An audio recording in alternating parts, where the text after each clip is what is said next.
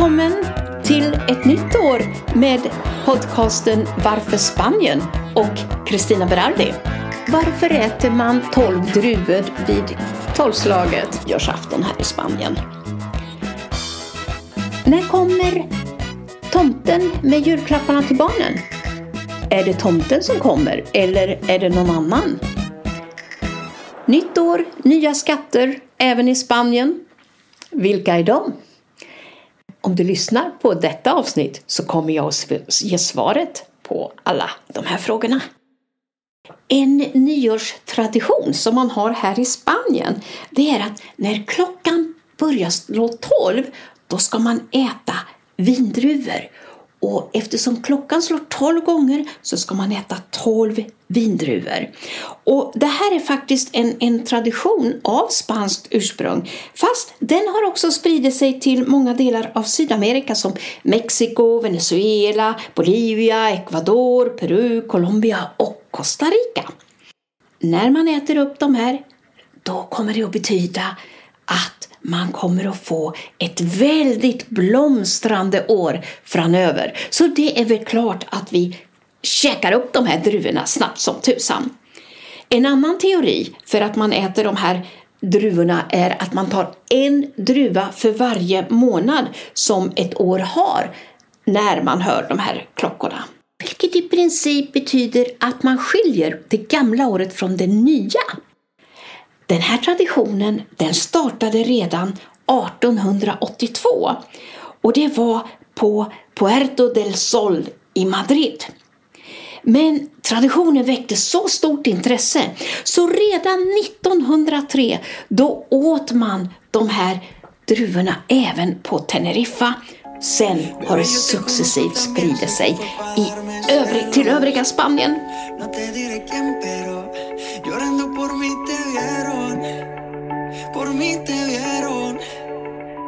Déjame decirte, se ve que él te trata bien, que es todo un caballero. Pero eso no cambiará que yo llegué primero. Sé que te ver bien, pero no te quiere como yo te quiero. Idag är det onsdag den 6 januari det är den stora dagen i Spanien för alla barn. För då först får barnen sina julgåvor. Traditionen här i Spanien börjar officiellt den 5 januari med Cabalgata de los Reyes Magos. Och det är den stora paraden och den pågår i nästan varenda stad i hela Spanien för att fira de här kungarna, eller det vill säga de tre vise männens ankomst. Och de är omgivna av dansare, musiker, betjänter och eh, de kastar karameller till alla barn. Det här är ju en kristen tradition. Och kommer ni ihåg namnet på de tre vise männen? Det vet varenda unge här i Spanien kan jag säga. De heter Melker, Gaspar och Baltasar. För det var ju faktiskt de som kom till Jesusbarnet och gav gåvor i form av guld, rökelse och myrra. När de tre vise männen kommer, då frågar de barnen om de har varit snälla och uppfört sig ordentligt i skolan och hemma. De stygga barnen, de får då en bit kol istället för presenterna. Och det är faktiskt ett sött straff eftersom kolet är gjort av socker. När barnen träffar de tre vise männen den femte januari, det vill säga trettondagsafton, då brukar de lämna över sina önskelister. Innan barnen går och lägger sig, då ska de ställa ut en välputsad sko på trappan eller på fönsterbänken. Men man lämnar också lite godis, tårta eller kava till kungarna och lite gräs, morötter och mjölk eller något annat till kamelerna. Och morgonen därpå det vill säga idag, när det är den 6 januari, då hoppar ungarna snabbt upp ur sina sängar för att se om de tre vise männen har varit där och gett dem presenter. Då börjar man ju öppna dem. Det är inte slut med det här julfirandet än. Nej, det är faktiskt så att när man har öppnat sina presenter och äter frukosten, då äter man något som heter roscon de reyes. Det är som en eh, rund tårta och eh, mycket smarrigt med lite karamelliserad frukt på ovansidan och lite grädde eller choklad i mitten. Och de här frukterna de symboliserar ädelstenarna på de tre heliga kungarnas klädsel. Och inuti tårtan så brukar det finnas plastfigurer och det är kungen och Fabada-bönan.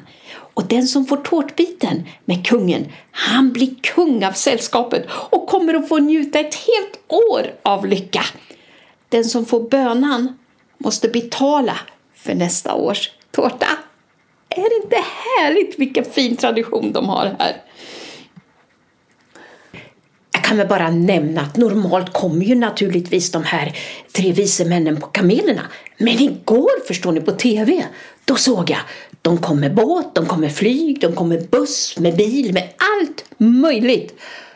Men på grund av den rådande situationen med coronan, smittrisken och så vidare har vi ingen Cabelgata de Reyes i år. Men jag hoppas verkligen att barnen är nöjda ändå för de presenter som de har fått.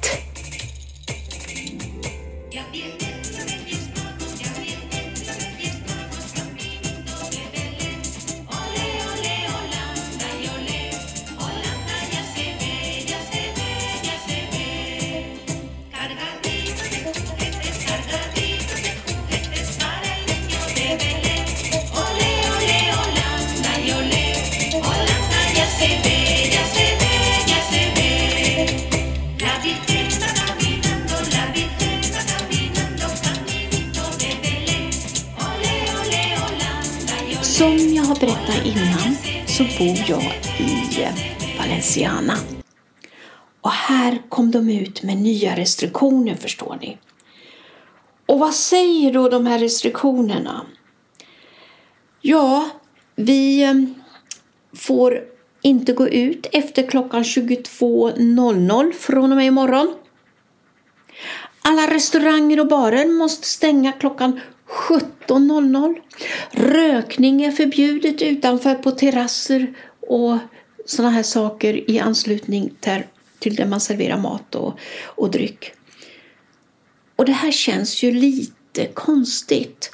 Skulle man smitta mer eller bli smittad mer klockan 20 än klockan 17?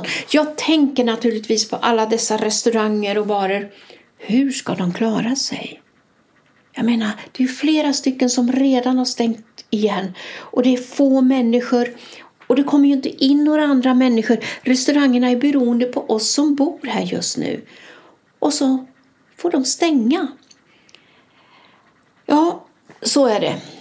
Affärernas kapacitet får vara 30 procent. Så det börjar likna så som det var när vi hade Estado de Alarma. Och de här restriktionerna de kommer att fortgå, vad jag har förstått, ända fram till 31 januari. Ja, det var årets första nyhet, eller jag kanske ska säga överraskning. Det känns lite trist faktiskt. Men det här måste vi acceptera. En annan sak som jag kommer att tänka på. I alla länder, när det är nytt år, vad kommer då? Skattehöjningar. Det kommer även här. Alla försäkringar kommer att gå upp ungefär 6 till 8 procent höjs momsen med. Alla som har årsinkomster över 200 000 en skattehöjning på 3 procentenheter till 26 procent. Och de som tjänar över 300 000 euro om året de får en höjning på 2 procentenheter. Och det här är bara 0,17 procent av landets skattebetalare som tjänar så mycket. Sen kommer man att eh, straffa, får man säga så, alla som köper läsk. Allt som har med socker att göra här, energidrycker, läsker och alla sådana här drycker, de kommer att höjas momsen på från 10 till 21 procent. Det är 11 procentenheter. Nu hör jag till de som inte dricker dessa eh, sockerdrycker. Så jag klarar mig. Men eh, det är de prisökningar som de har pratat om. Förutom att eh, avgifterna för eh, registrering av eh, nya bilar kommer också höjas. Och om de höjs också ungefär 6-8 procent. Sen får vi se vad det innebär för gemene man. Men prisökningar är på gång i Spanien precis som i alla andra länder. Mm.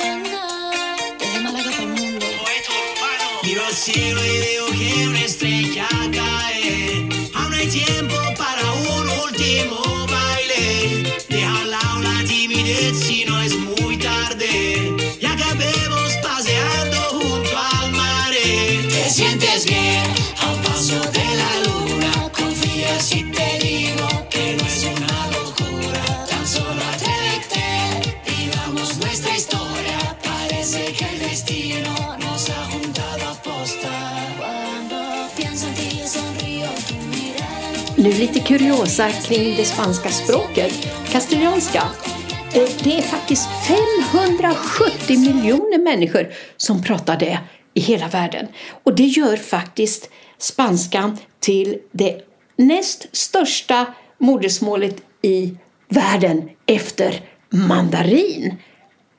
Det är kul också att känna till att vi har sex olika språk i Spanien och inom varje språk så finns det flera dialekter och variationer av dem.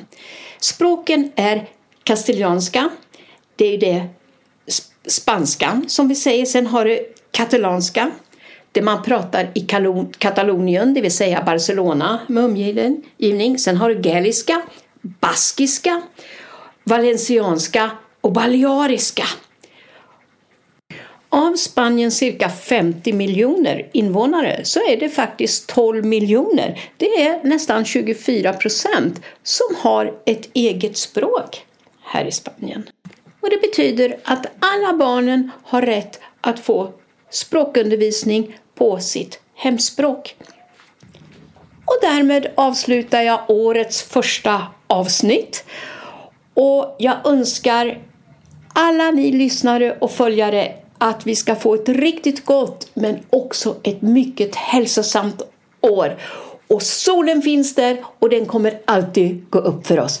Tack och hej allihopa och jag tackar er för att ni följer mig troget.